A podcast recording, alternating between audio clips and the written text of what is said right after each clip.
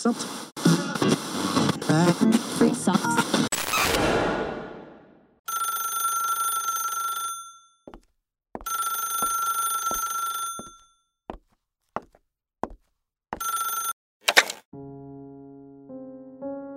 Hey, halo semuanya, lo semua lagi dengerin gue Giri Ardian. Malam ini eh gue nggak sendiri karena lagi pengen ngobrol sama one of my best friend from America. His name is Eric Campbell. Dia selain, selain eh, temen di kantor juga jadi bos. Bos yang sangat keren lah, jadi karena bisa berteman sama gue sekarang. So here he is. What's up guys? What's up guys? Indonesia aja deh ya. Boleh.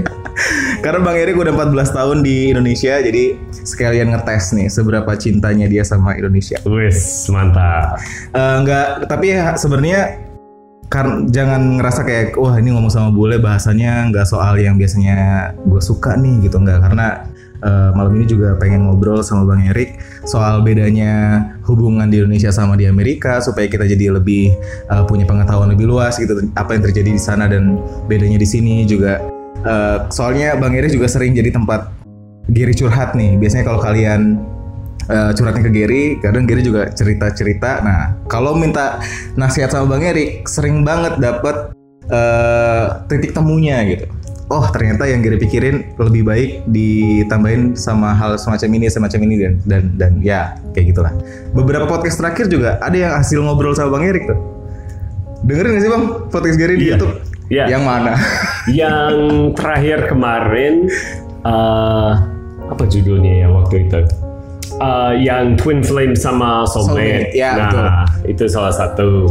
Terus ada satu lagi yang tapi itu yang lama, yang lima bahasa kasih. Yap. Uh, terus ada satu lagi yang saya lupa judul, bukan yang yang paling baru, tapi mungkin udah tiga podcast lalu kayaknya gitu. Oke. Ya, Cukup membuktikan kalau dia memperhatikan podcast ini guys. Iya dong. Kemarin Masa teman sendiri nggak didengerin? kemarin eh, sampai di peringkat 56 Spotify, Bang. Oh ya? Sangat- Wow. Sangat menyenangkan. Selamat. Selamat. Jadi eh, malam ini ada beberapa hal yang pengen kita tanyain. Oke. Yang pertama, jadi sering dapat kayak topik atau uh, permasalahan di DM Instagram. Semuanya tuh kayak uh, nggak bahagia sama sama hubungannya mereka gitu. Yang masih muda-muda nih bang, kan uh, pendengarnya dari 17 sampai 24 lah kira-kira. Jadi mereka kayak nggak ngerti sebenarnya pacaran ini buat apa gitu. Terus ada yang akhirnya ngejalin hubungan beberapa tahun terus ditinggalin dan galau dan nggak bisa move on dan sebagainya gitu. Yang menurut Gary sebenarnya masalahnya karena dari awal nggak yang mereka pikirin dulu sebenarnya mereka itu pacaran tuh buat apa gitu. Hmm. Yang ibaratnya kemarin sih Giri sempet bahas kalau sebenarnya kita eh, sebelum ngejalin hubungan sama seseorang kita tuh harus udah selesai dulu sama diri kita sendiri gitu. Kita harus self love dulu, kita harus eh, ya kenal dulu kita itu maunya apa dan sebagainya gitu. Nah kalau menurut Bang Erik sebenarnya pacaran tuh buat apa? Oke, ya jadi saya setuju sih. Uh, yang pastinya kita harus cukup mengenal diri kita. Uh, karena kalau belum mengenal diri sendiri ya bagaimana bisa mengenal dengan orang lain kan? Yep. Uh, jadi itu pasti wajib terlebih dahulu. Dan Nah oke, dipotong di situ. Hmm. Gimana kita bisa bilang kalau kita itu udah kenal sama diri kita? Maksudnya apa gitu? Standarnya atau ciri-cirinya kalau kita udah kenal sama diri kita? Kalau menurut saya eh, dalam bahasa Inggris kan bahasanya self aware gitu kan. Jadi ibarat menyadari sikap kita bagaimana kita bereaksi ke hal-hal tertentu gitu. Jadi salah satu hal kalau apa sudah mulai ya lirik-lirik eh, pacar gitu kan atau ada orang yang mau di ya. Mau ditembak bahasanya di sini. Kekerasan bener gitu kan. Tapi ya kalau ada yang mau nembak di sini gitu kan eh, setidaknya kita harus menyadari diri kita. Jadi yang kekurangannya kelebihannya terus apa yang em, yang dibutuhkan.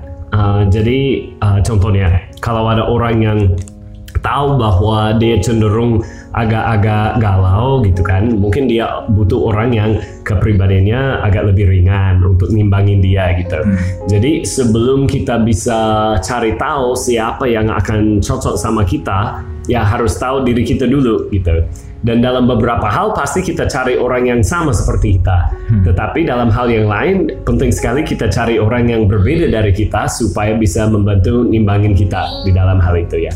Um, jadi untuk ciri-ciri bagaimana kita bisa mengenali diri kita, uh, biasanya kalau tidak ada waktu yang dipakai untuk introspeksi diri, ya tidak mungkin kita mengenal diri kita ya. Jadi saya rasa salah satu ciri itu kalau sewaktu-waktu kita memang uh, sudah terbiasa untuk introspeksi diri, untuk memikirkan ya saya ini sebenarnya kayak gini atau punya kekurangan ini. Kalau orang bertanya kelebihan dan kekurangan dari diri kita, lalu kita nggak bisa jawab atau kita bingung apa ya? Atau lebih parah lagi kita jadi nanya orang lain, saya seperti apa ya? Seperti apa saya ini?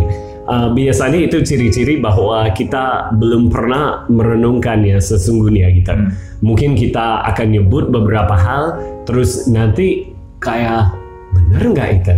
Ya, jadi biasanya itu yang saya sering lihat orang yang mengenali diri mereka kalau ditanya kelebihan kekurangan tidak pakai lama untuk menjawabnya karena dia tahu Ya. uh, baik dan buruknya seperti apa. Tapi orang yang agak enggan jawab atau belum bisa jawab karena sungguh-sungguh tidak tahu, ya itu pasti menandai bahwa dia sendiri belum cukup mengenali dirinya sendiri. Oke. Itu sebelum kita akhirnya memutuskan untuk pacaran atau Mhm. menjalin hubungan sama seseorang. Iya. Nah, kalau setelah kita tahu sama uh, soal diri kita sendiri gitu, kenal sama diri kita sendiri, kita memutus untuk pacaran. Nah, pacaran itu untuk apa, Bang?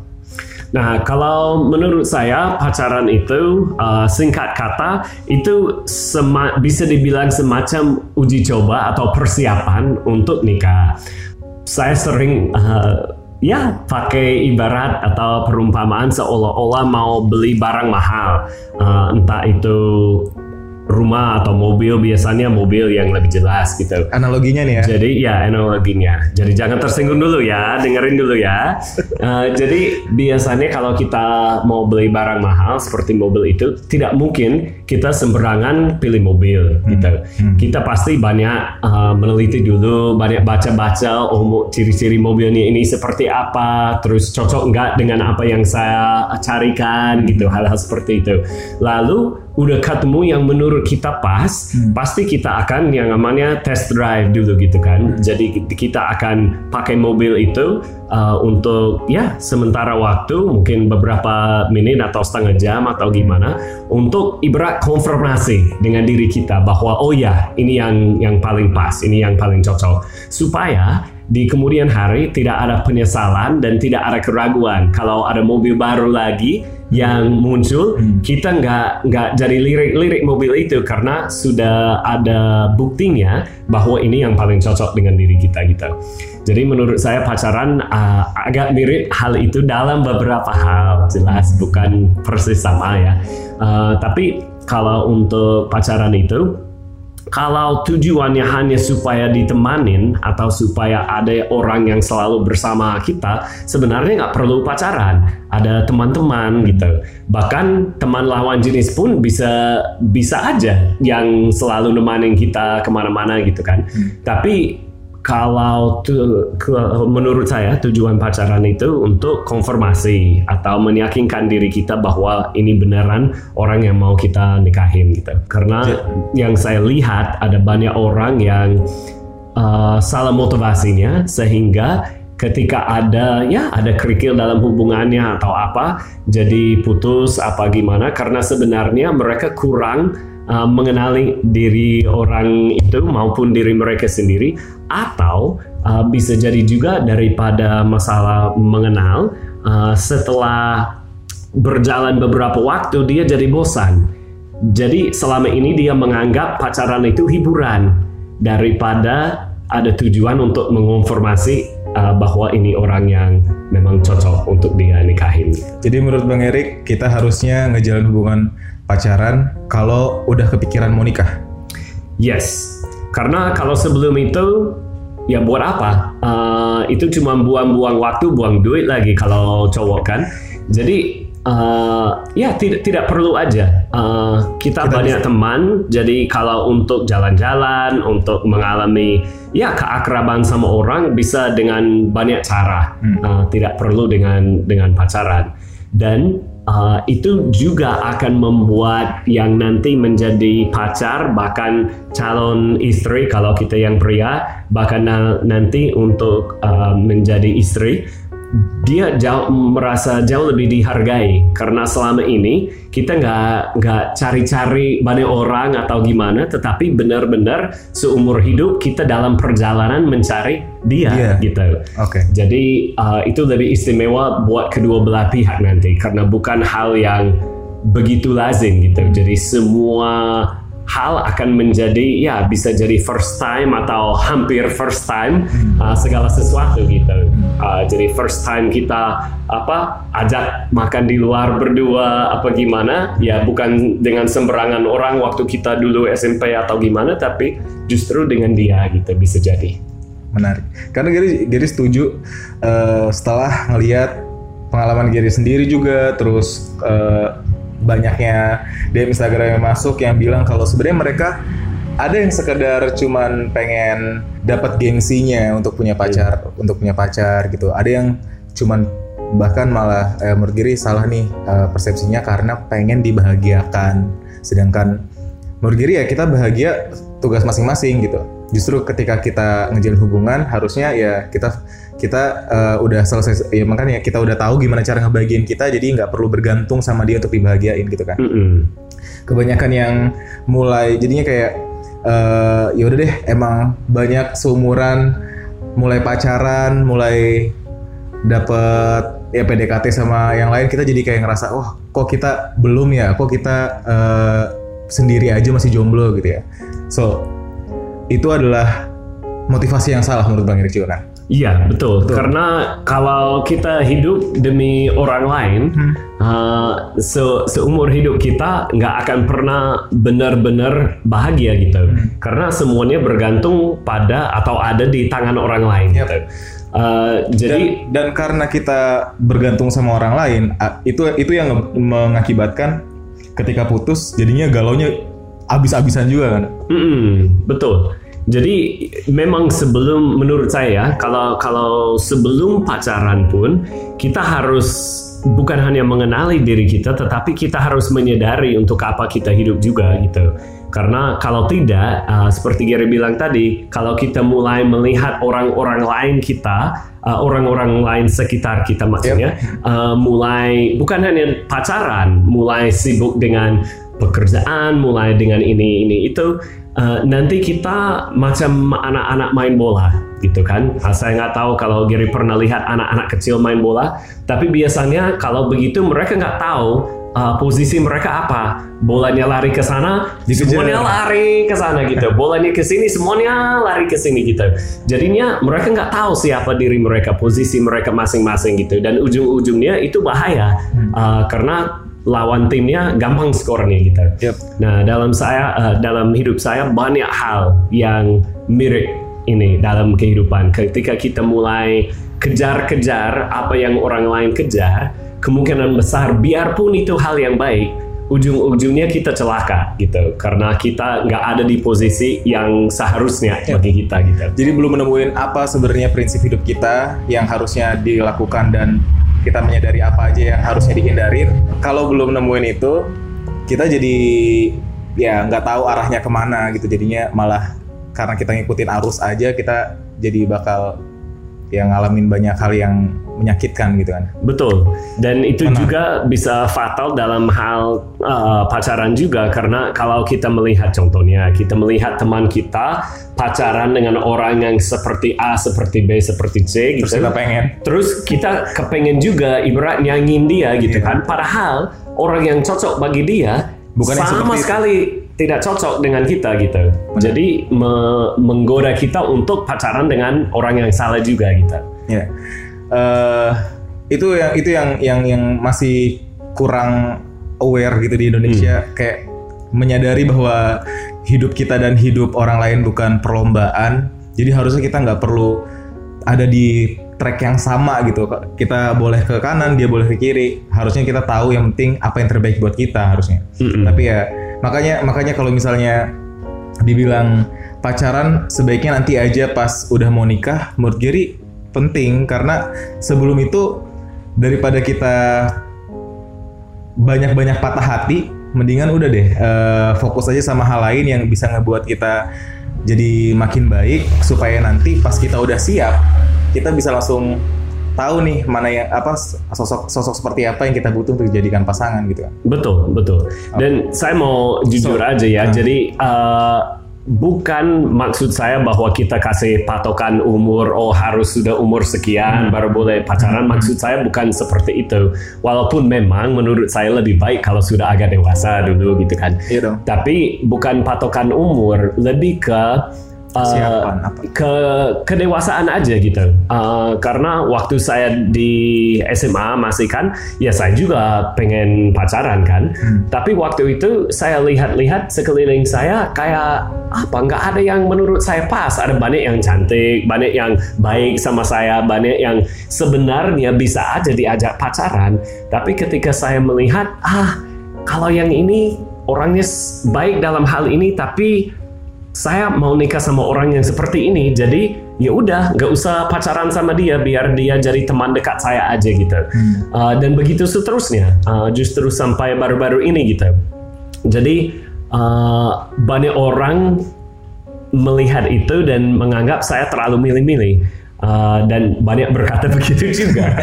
Tapi justru bagi saya itu itu bijak ya bukan milih-milih. Karena biarpun saya nikahnya lebih lama atau lebih lambat dalam tanda kutip pasti akan lebih bahagia juga. Karena nggak akan ada penyesalan nanti nggak nggak merasa wah kenapa saya nggak tahu ini dari dulu? Tapi semua yang saya alami itu ibarat menjadi pembekalan supaya dalam pertimbangan sebelum nembak uh, perempuan itu saya udah udah lebih yakin gitu bahwa ini bakal benar-benar yang terbaik ya bukan yang sempurna nggak ada manusia yang sempurna tapi yang terbaik lah Ya. untuk diri saya gitu Itu yang Gary pernah bahas juga kalau misalnya kita itu harus milih di antara beberapa orang atau uh, ya setiap orang yang dekat di dalam hidup kita mana yang terbaik. Terus ya udah uh, kalau misalnya udah milih orang itu kita udah tahu setidaknya kalau dia adalah pilihan terbaik di antara pilihan yang ada gitu. kan.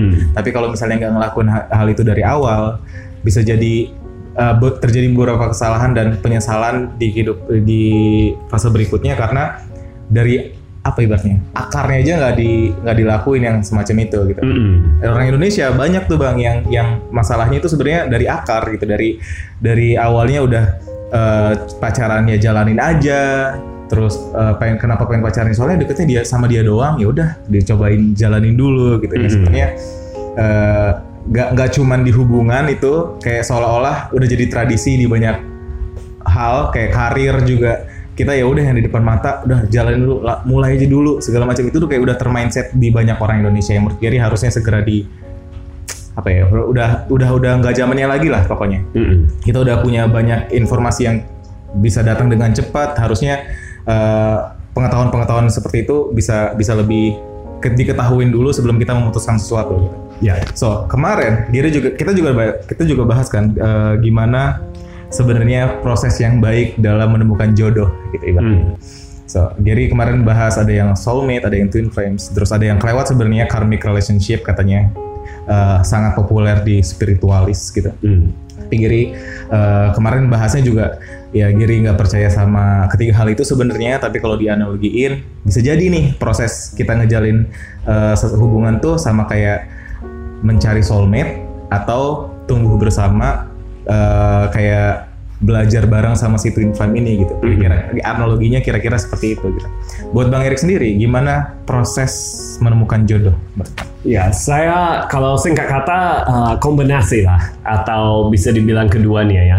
Uh, karena saya rasa kalau kita nggak cukup milih-milih, uh, berarti kita terlalu gampang dengan siapa saja di awal, tapi ujung-ujungnya kita ketemu bahwa ada hal yang paling penting atau hal yang sangat dasar dalam kehidupan kita yang ternyata beda dengan orang itu.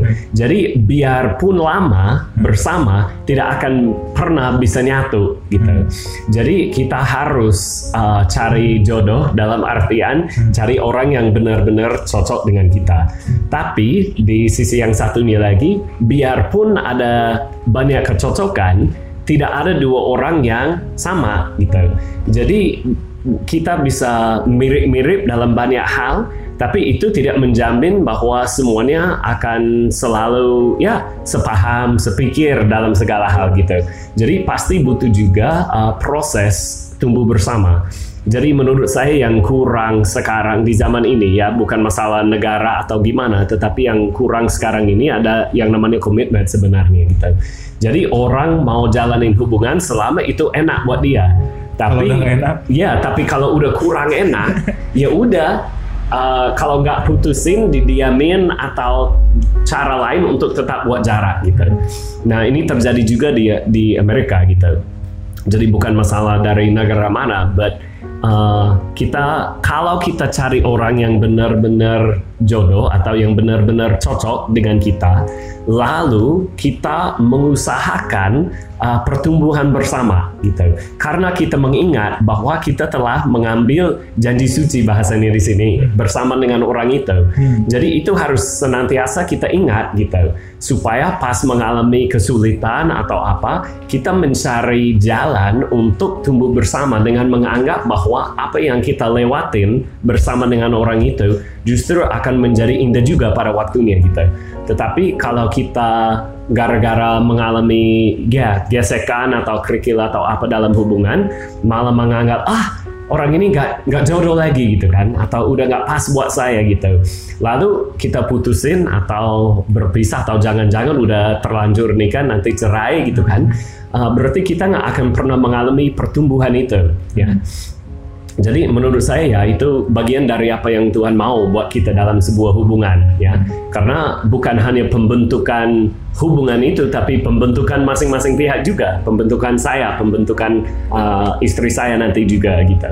Jadi itu sebuah proses. Uh, maka saya bilang tadi keduanya ya harus cari yang benar-benar cocok di awal, uh, tetapi biarpun cocok nggak akan pas karena tidak ada dua orang yang sama gitu. Jadi nanti butuh sangat juga ada proses pertumbuhan bersama itu didasari oleh komitmen yang mereka ambil secara bersama gitu. Jadi pilih yang terbaik dan kalau misalnya kita udah yakin dia yang terbaik, kita pasti bisa nerima kekurangan-kekurangan setelahnya karena dari awal kita udah yakin ya inilah yang terbaik. Iya, boleh dibilang uh, saya suka pakai perumpamaan ya, karena mungkin karena pemikiran saya sederhana ya, jadi menolong saya. Tapi ibarat kita mau apa? Mau panen buah gitu kan. Jadi kalau begitu kita mau cari bibitan ataupun biji, ya pasti kita cari-cari yang udah kelihatannya udah bagus gitu, yang sesuai yang kita mau. Tapi udah dipilih, udah ditanam, ya pasti kita juga pupukin, pasti kita juga nyiram gitu.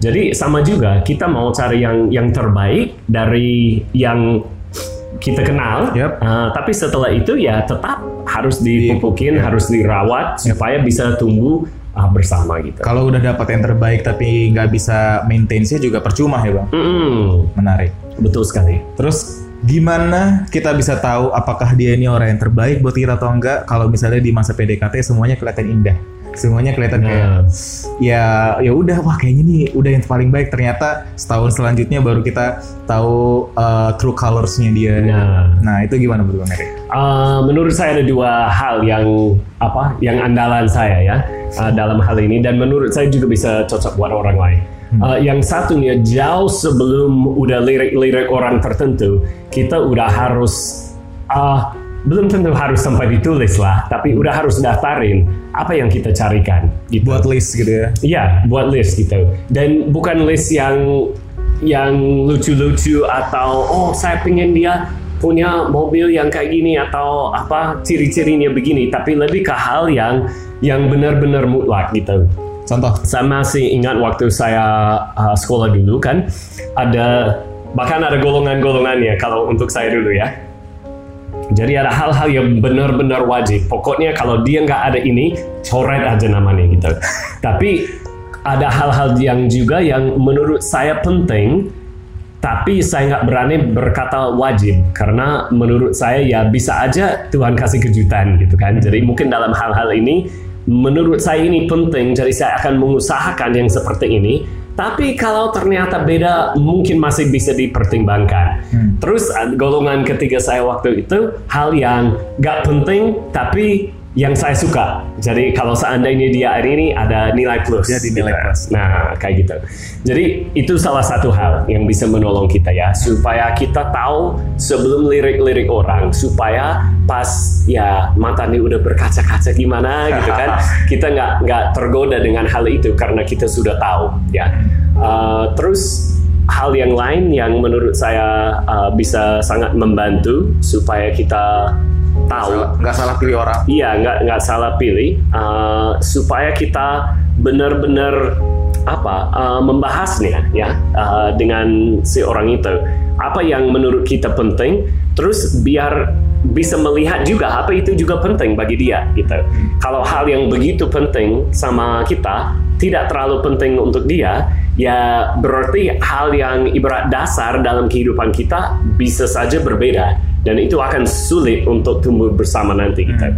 Tapi kalau kita ketemu dengan pembahasan itu, ketemu bahwa oh ternyata hal-hal yang dasar itu dalam kehidupan kita sama, itu akan menjadi pondasi yang kuat untuk hubungannya ke depan gitu. Iya, Eh, jadi kayak kalau misalnya ternyata pun di tengah jalan kita baru menemukan ada perbedaan, seenggaknya kita udah menyadari eh, kayak tujuan kita ngejalan hubungan itu udah terpenuhi nih. Mm-mm. Kita tujuannya untuk mencari tahu apakah dia cocok atau enggak buat kita.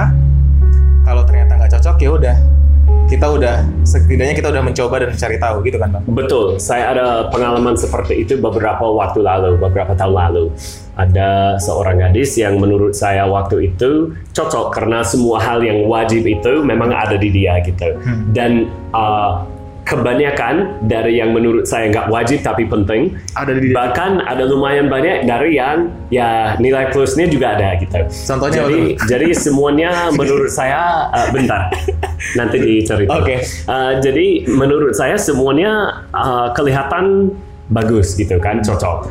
Uh, maka ya jadian terus berjalan dengan beberapa waktu. Tapi semakin banyak kami obrolin, semakin kelihatan hal-hal yang awalnya kecil, tapi yang dalam hati saya agak-agak nggak pas gitu ya. kan. Uh, tetapi ketika saya kembali melihat di list saya itu, kayak ya memang nggak ada masalah gitu, tapi masih ada yang ya yang nggak pas di hati gitu. Sampai akhirnya uh, kami ada ya karena sudah terbiasa waktu itu ada obrolan dalam uh, nggak nggak setiap kali ketemu obrolannya dalam tapi ada waktunya ya ada rutinitas begitu dan waktu itu saya bisa melihat bahwa ada hal yang uh, menurut saya akan membuat kita pada akhirnya gagal gitu. Jadi saya langsung aja uh, buka pembicaraan, membahasnya. Nah ternyata dalam pembahasan itu kami sama-sama menyadari bahwa iya karena tujuan kami untuk menjalani hubungan itu untuk menuju pernikahan, tapi ternyata memang tidak pas. Jadi akhirnya kami putus. Tapi putusnya nggak berujung apa uh, Berantem. berantem atau marah ataupun begitu sakit hati ya pasti kecewa karena sama-sama berharap nikah gitu. Tapi ujung-ujungnya ya kayak ya kecewa biasa aja gitu. Karena merasa lebih banyak bersyukur kalau saya pribadi karena bersyukur tujuannya tercapai. Kami menjalani hubungan untuk konfirmasi bahwa ini jodoh. Ternyata Tidak. bukan. Terbukti. Jadi ya sedih sih karena berharap bisa nikah, tapi sedihnya nggak terlampau berat karena tujuannya tercapai. Jadi sampai sekarang pun masih bisa bertemanan tanpa ada perasaan yang aneh karena tidak ada yang kami nyesalin dalam Ya. dari hubungan itu ya. itu yang harusnya diketahui sama banyak orang kan karena karena ketidaktahuan itu waktu kita ngerasa wah gu- saya sama dia nih nggak nggak yang secocok itu ternyata gitu Mm-mm. jadinya malah karena karena nggak sanggup atau nggak punya alasan cukup untuk untuk ninggalin orang itu jadinya selingkuh di belakangnya Iya. Jadinya kayak ya udah deh eh, s- ya putus susah kan. Hmm. Kalau di sini putus tuh harus cari-cari kesalahan dulu gitu. Padahal kalau ternyata emang eh, nggak cocok ya ya udah gitu diomongin aja. Kita nggak bisa nih kayaknya kalau misalnya dilanjutin dengan karena kita beda prinsip atau karena Ah. kita nggak bakal nemu yang soal ini gitu. Udah tujuannya tercapai. Tapi kalau di Indonesia enggak. Ya, ya setengahnya eh, di lingkungan yang Gary eh, hadapin sekarang lah gitu. Kayak kalau misalnya eh, mau putus sampai nyari-nyari kesalahan gitu, gimana caranya biar bisa putus gitu. Padahal itu salah dari akarnya. Iya. Iya, dan itu menandai bahwa orang itu sebenarnya lari lagi masuk ke hubungan itu justru untuk cari muka. Karena yang paling dia takuti dalam putusin hubungan itu adalah kehilangan muka gitu. Hmm. Jadi apa uh, menunjukkan bahwa tujuan dia dari awal udah udah nggak lurus, udah nggak pas menurut saya gitu. Yap. Dia dia nggak menjalani hubungan untuk konfirmasi itu tadi, Yep. gitu. tapi malah supaya dipandang atau supaya dilihat bagaimana. Gitu. Iya, eh, menurut Jerry bisa jadi seperti itu, tapi kebanyakan di Indonesia karena bener-bener nggak tahu sebenarnya pacaran buat apa gitu. Belum belum banyak gitu ada pembahasan soal kenapa sih kita harus eh, pacaran, kenapa kenapa lebih baik nggak pacaran gitu. Wah itu masih terlalu sedikit lah pembahasannya atau mungkin banyak orang juga yang belum mencari tahu soal itu. Masih tabu bang di sini Hmm. soal relationship. Jadi belum tahu tujuan pacaran itu sebenarnya apa. So kalau seandainya semua yang denger ini tahu kalau sebenarnya pacaran untuk mencari tahu bahwa eh, apakah dia cocok sama kita atau enggak untuk ke pernikahan menurut diri bakal banyak hubungan yang ketika eh, udah emang harusnya putus atau berakhir gitu nggak ngalamin patah hati yang hebat gitu karena Hmm. mereka udah menyelesaikan tugasnya gitu untuk mencari Hmm. tahu apakah dia udah apakah dia ini yang terbaik atau bukan gitu Betul. buat teman-teman tuh se- se- seandainya dengerin terus ngedapat dapat barusan obrolan Giri sama Bang Erik asal tujuannya udah tercapai that's fine nggak nggak nggak nggak nggak jadi masalah karena itu tuh emang tujuan dari pacaran Ah, So, pertanyaan selanjutnya adalah kalau misalnya kita ngejalan hubungan kayak karena karena banyak nih, karena banyak yang nggak nggak tahu soal ini sebelum mereka ngejalan hubungan sekarang. Terus akhirnya tertarik buat deket sama orang lain. hmm. Apa yang harus dilakuin untuk ngejaga komitmen biar biar nggak ada noda gitu di hubungan? Ke- Apa menurut? Ya ini uh, kembali ke yang sedikit disinggung tadi ya. Uh, kita harus mengenali diri kita dan mengetahui apa yang paling penting ya buat kita di dalam hubungan. Karena kalau seandainya ya, kalau seandainya kita mau uh, jadian atau pacaran atau ujung-ujungnya nanti nikah dengan orang yang tidak ternoda bahasa Nigeri tadi ya, berarti ya kita harus juga jadi orang seperti itu dong. Uh, jadi nggak bisa meng- mengharapkan lebih dari pasangan kita daripada apa yang mau kita berikan kepada mereka nanti gitu kan. Oh, ya. Uh, jadi itu salah satu hal. Terus menurut saya pasti uh, kepercayaan atau agamanya orang uh, berpengaruh juga, Uh, keluarga juga banyak hal ya.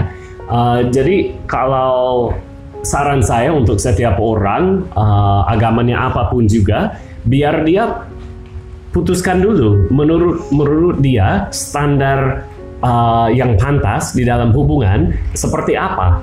Dan kembali lagi masalah komitmen. Apa apa itu sekedar ah ya saya tahu harusnya begini tapi nanti kalau lagi merasa pengen apa gimana ya lain lagi ceritanya kan nggak nggak bisa dong jadi uh, setiap kita harus putuskan dalam hubungan kita uh, tingkah laku yang mana atau tingkah laku seperti apa yang pantas untuk hubungan kita uh, sebelum kita nanti jadi uh, suami istri dan hub- uh, hubungan atau tingkah laku yang seperti apa yang yang tidak ya. Uh, jadi waktu dulu kalau untuk saya pribadi ada memang saya lumayan berumur ya. Jadi waktu dulu di Amerika ada semacam gerakan. Saya nggak tahu kalau masih ada sampai sekarang atau enggaknya karena sudah belasan tahun di Indonesia ya. Uh, tapi dulu ada gerakan di Amerika yang namanya True Love Waits. True love waits. Yes, cinta sejati menunggu gitu kan. Jadi uh, waktu itu itu semacam gerakan yang uh, sebenarnya berhubungan dengan uh, maaf kata tapi dengan hubungan secara fisik suami istri gitu kan. Dan uh, untuk mendorong supaya anak-anak muda menyadari bahwa kalau orang-orang itu benar-benar jodoh kita atau bahasanya tadi kayak cinta sejati, bahwa orang itu pasti akan menunggu, menunggu sampai kita udah nikah bersama dengan mereka gitu. Oke. Jadi ibarat di Indonesia ada istilah jodoh tak ke mana gitu kan. Tapi biasanya di sini artinya suatu saat pasti ketemu.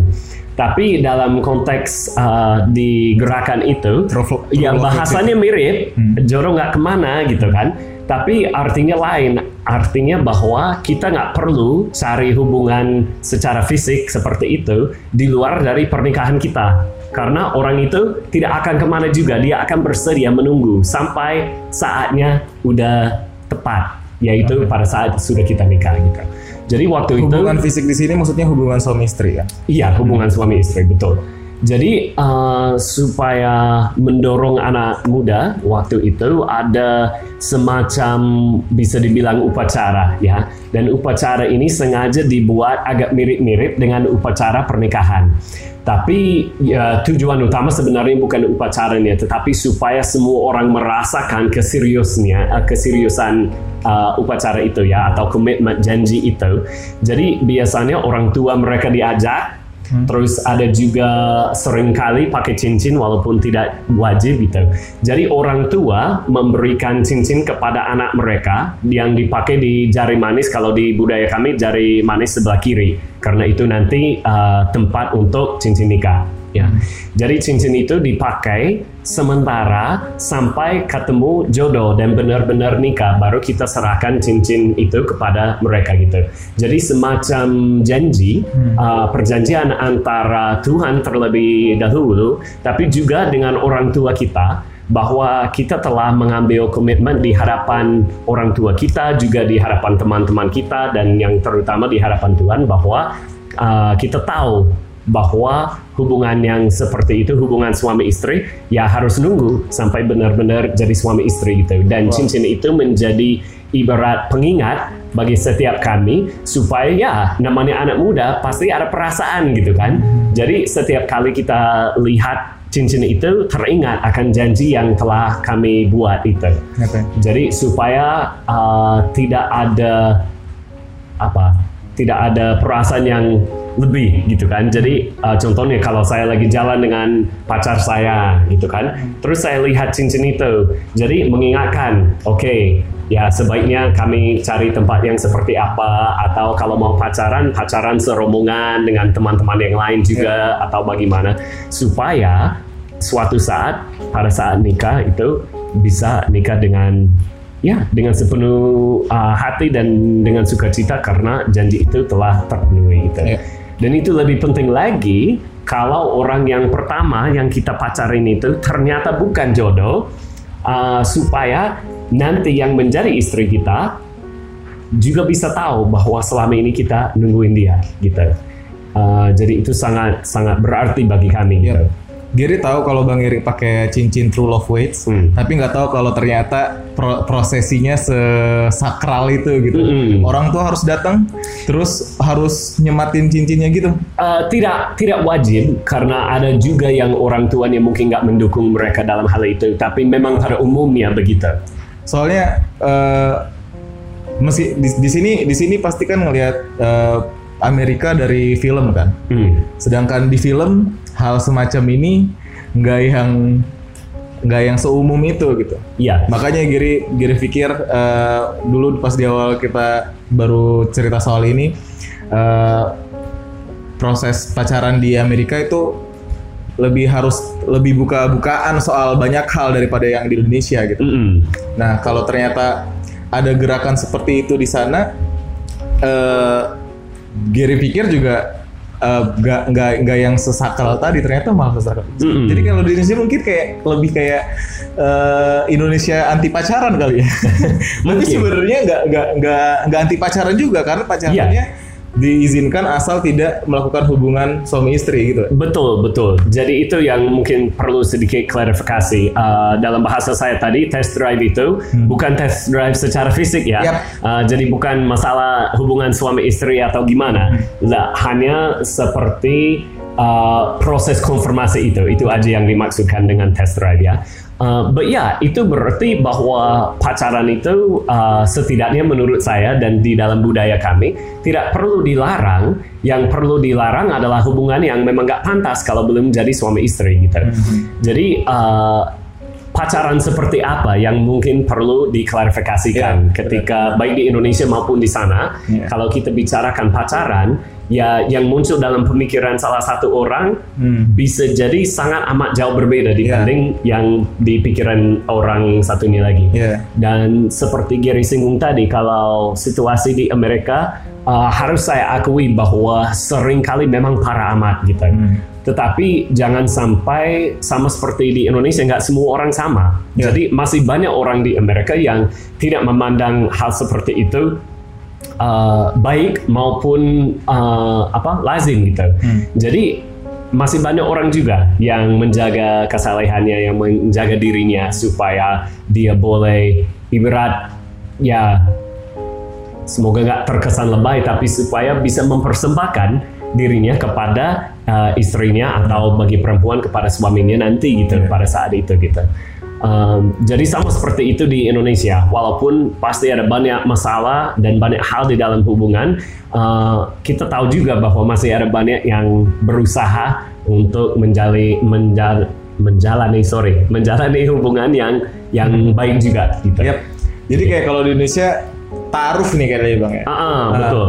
Soalnya eh, taruh di sini pun menurut Gary, ya nggak tahu ini, oh, yang ini opini, tapi menurut Gary juga banyak yang kesannya eh, sangat anti pacaran gitu. Padahal eh, kalau misalnya menggeserkan stigma masyarakat yang selalu atau sering kali bilang kalau pacaran itu adalah hal buruk, kalau seandainya dilakukan dengan banyak batasan-batasan yang tidak boleh dilakukan, Mm-mm. sebenarnya baik-baik aja gitu kan. Sama kayak eh, taruh pun juga di, di diharuskan untuk kenal satu sama lain terlebih dahulu sampai sebelum akhirnya mereka memutuskan untuk menikah gitu. Kenalnya tapi kalau misalnya jalan ya eh, nggak nggak boleh berduaan, harus ada harus ada orang yang mendampingi. Terus juga kalau misalnya eh, komunikasinya eh, chattingan diperbolehkan gitu sebenarnya masih boleh untuk kayak sebenarnya menjalin hubungan Mm-mm. yang punya batasan-batasan kayak tadi sama kayak True Love Waits ini sebenarnya Mm-mm. Menarik sampai apa biasanya yang istilah ta'aruf itu memang sering saya pakai di sini untuk berusaha menjelaskan walaupun ya jelas bukan persis sama Yap. tapi konsepnya agak mirip Ya. bahwa tujuannya sama-sama mau menjaga diri menjaga kesalehan masing-masing gitu tetapi uh, yang mungkin sedikit berbeda bahwa uh, karena yang saya jelaskan tadi yang menurut saya sendiri kita harus tahu bahwa orang ini cukup cocok dengan kita supaya nanti bisa terus tumbuh bersama ya. Jadi kalau tidak pernah ada kebersamaan uh, atau waktu bersama Ya. uh, akan sangat sulit untuk kita menjadi tahu itu ya. Ya.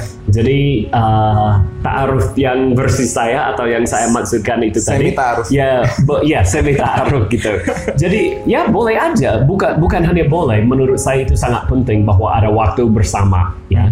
Tapi waktu bersama itu tidak mesti berarti waktu berdua dan tidak mesti berarti waktu yang mesra Ya. gitu.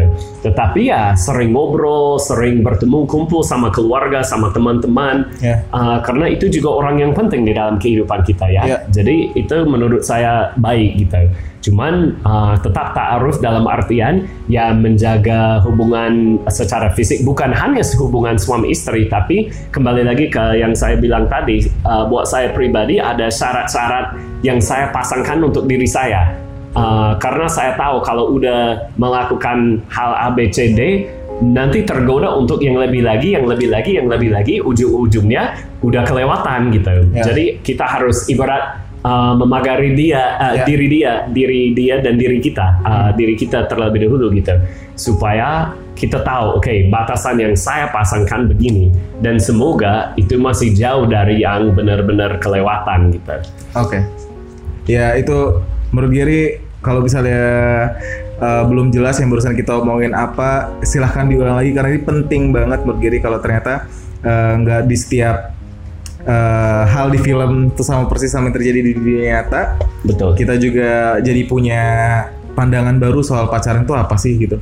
Kayak kalau misalnya kita pikir pacaran ya ya udah beginilah harusnya pacaran ternyata enggak kita masih punya beberapa hal yang harus dibatasi dalam dalam pacaran sendiri karena pacaran tadi kita berdua setuju kalau tujuannya untuk mencari tahu atau mengkonfirmasi apakah dia itu cocok buat jadi pasangan kita yang lebih serius nantinya gitu ya di Betul. pernikahan gitu selain itu nggak nggak nggak nggak ada nggak perlu ada hal lain yang dilakukan dalam dalam hubungan pacaran gitu. Iya, betul. Uh, justru boros saja gitu, boros waktu, boros duit, boros Ya. banyak hal gitu. Dan uh, sering kali kalau pacarannya ini mungkin sedikit menyimpang dari topik intinya, tapi kalau kita menjalani hubungan pacaran yang tidak punya tujuan yang seperti itu, malah apa mem- membuat kita mulai menimpang karena berarti diisi dengan tujuan yang lain gitu. Jadi yang kita mulai kejarin sesuatu yang sebenarnya bukan tujuan utamanya. Ya. Uh, dan itu biasanya berujung celaka gitu. Ya. Sedangkan ada banyak hal dalam kehidupan kita yang bisa kita alami atau yang bisa kita lakukan dengan waktu itu yang jauh lebih bermanfaat uh, buat diri kita dan orang-orang sekeliling kita. Gitu. dibanding pacaran Betul. karena tujuannya dari awal salah. Betul. Oke. Eh, apalagi apa yang Giri bahas? Udah sih, Bri. Udah cukup itu. Kita jadi tahu arti pacaran itu apa, gimana cara eh, memulai sebuah hubungan sebelum eh kita harus tahu sebelum apa yang harus kita lakuin sebelum memulai sebuah hubungan. Terus kita udah dengar cerita Bang Erik soal true love waits, hal yang Giri juga waktu itu kaget sebenarnya, hah Bang Erik punya cincin True Love Fits orang Amerika gitu. Oh ternyata uh, ada juga hal semacam itu di Amerika dan dan ya uh, karena tujuannya baik, Giri jadi kerasa oh ini harus orang-orang pada tahu nih kalau bisa aja kita ngelakuin hal semacam itu untuk kebaikan diri kita dan kebaikan pasangan gitu. Terus ya banyak lah udah. Semoga pada dapat eh, intisari dan hal-hal baik dari podcast ini. Kalau misalnya ada yang mau nanya lebih lanjut sama Bang Erik boleh. Boleh kan Bang? Boleh banget. Langsung DM Instagram ya Indo. Boleh atau kalau mau mampir ke Connect? uh, tempat kita main, ya juga boleh.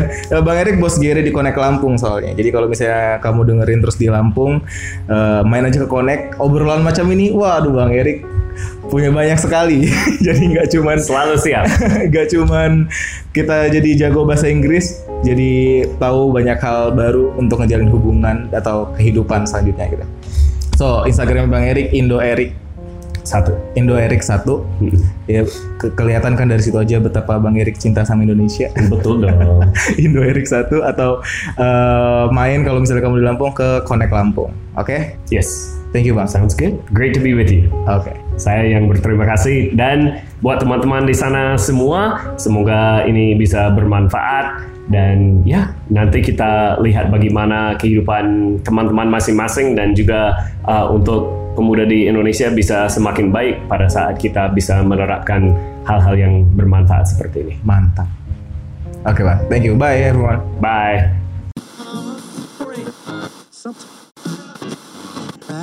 Free socks.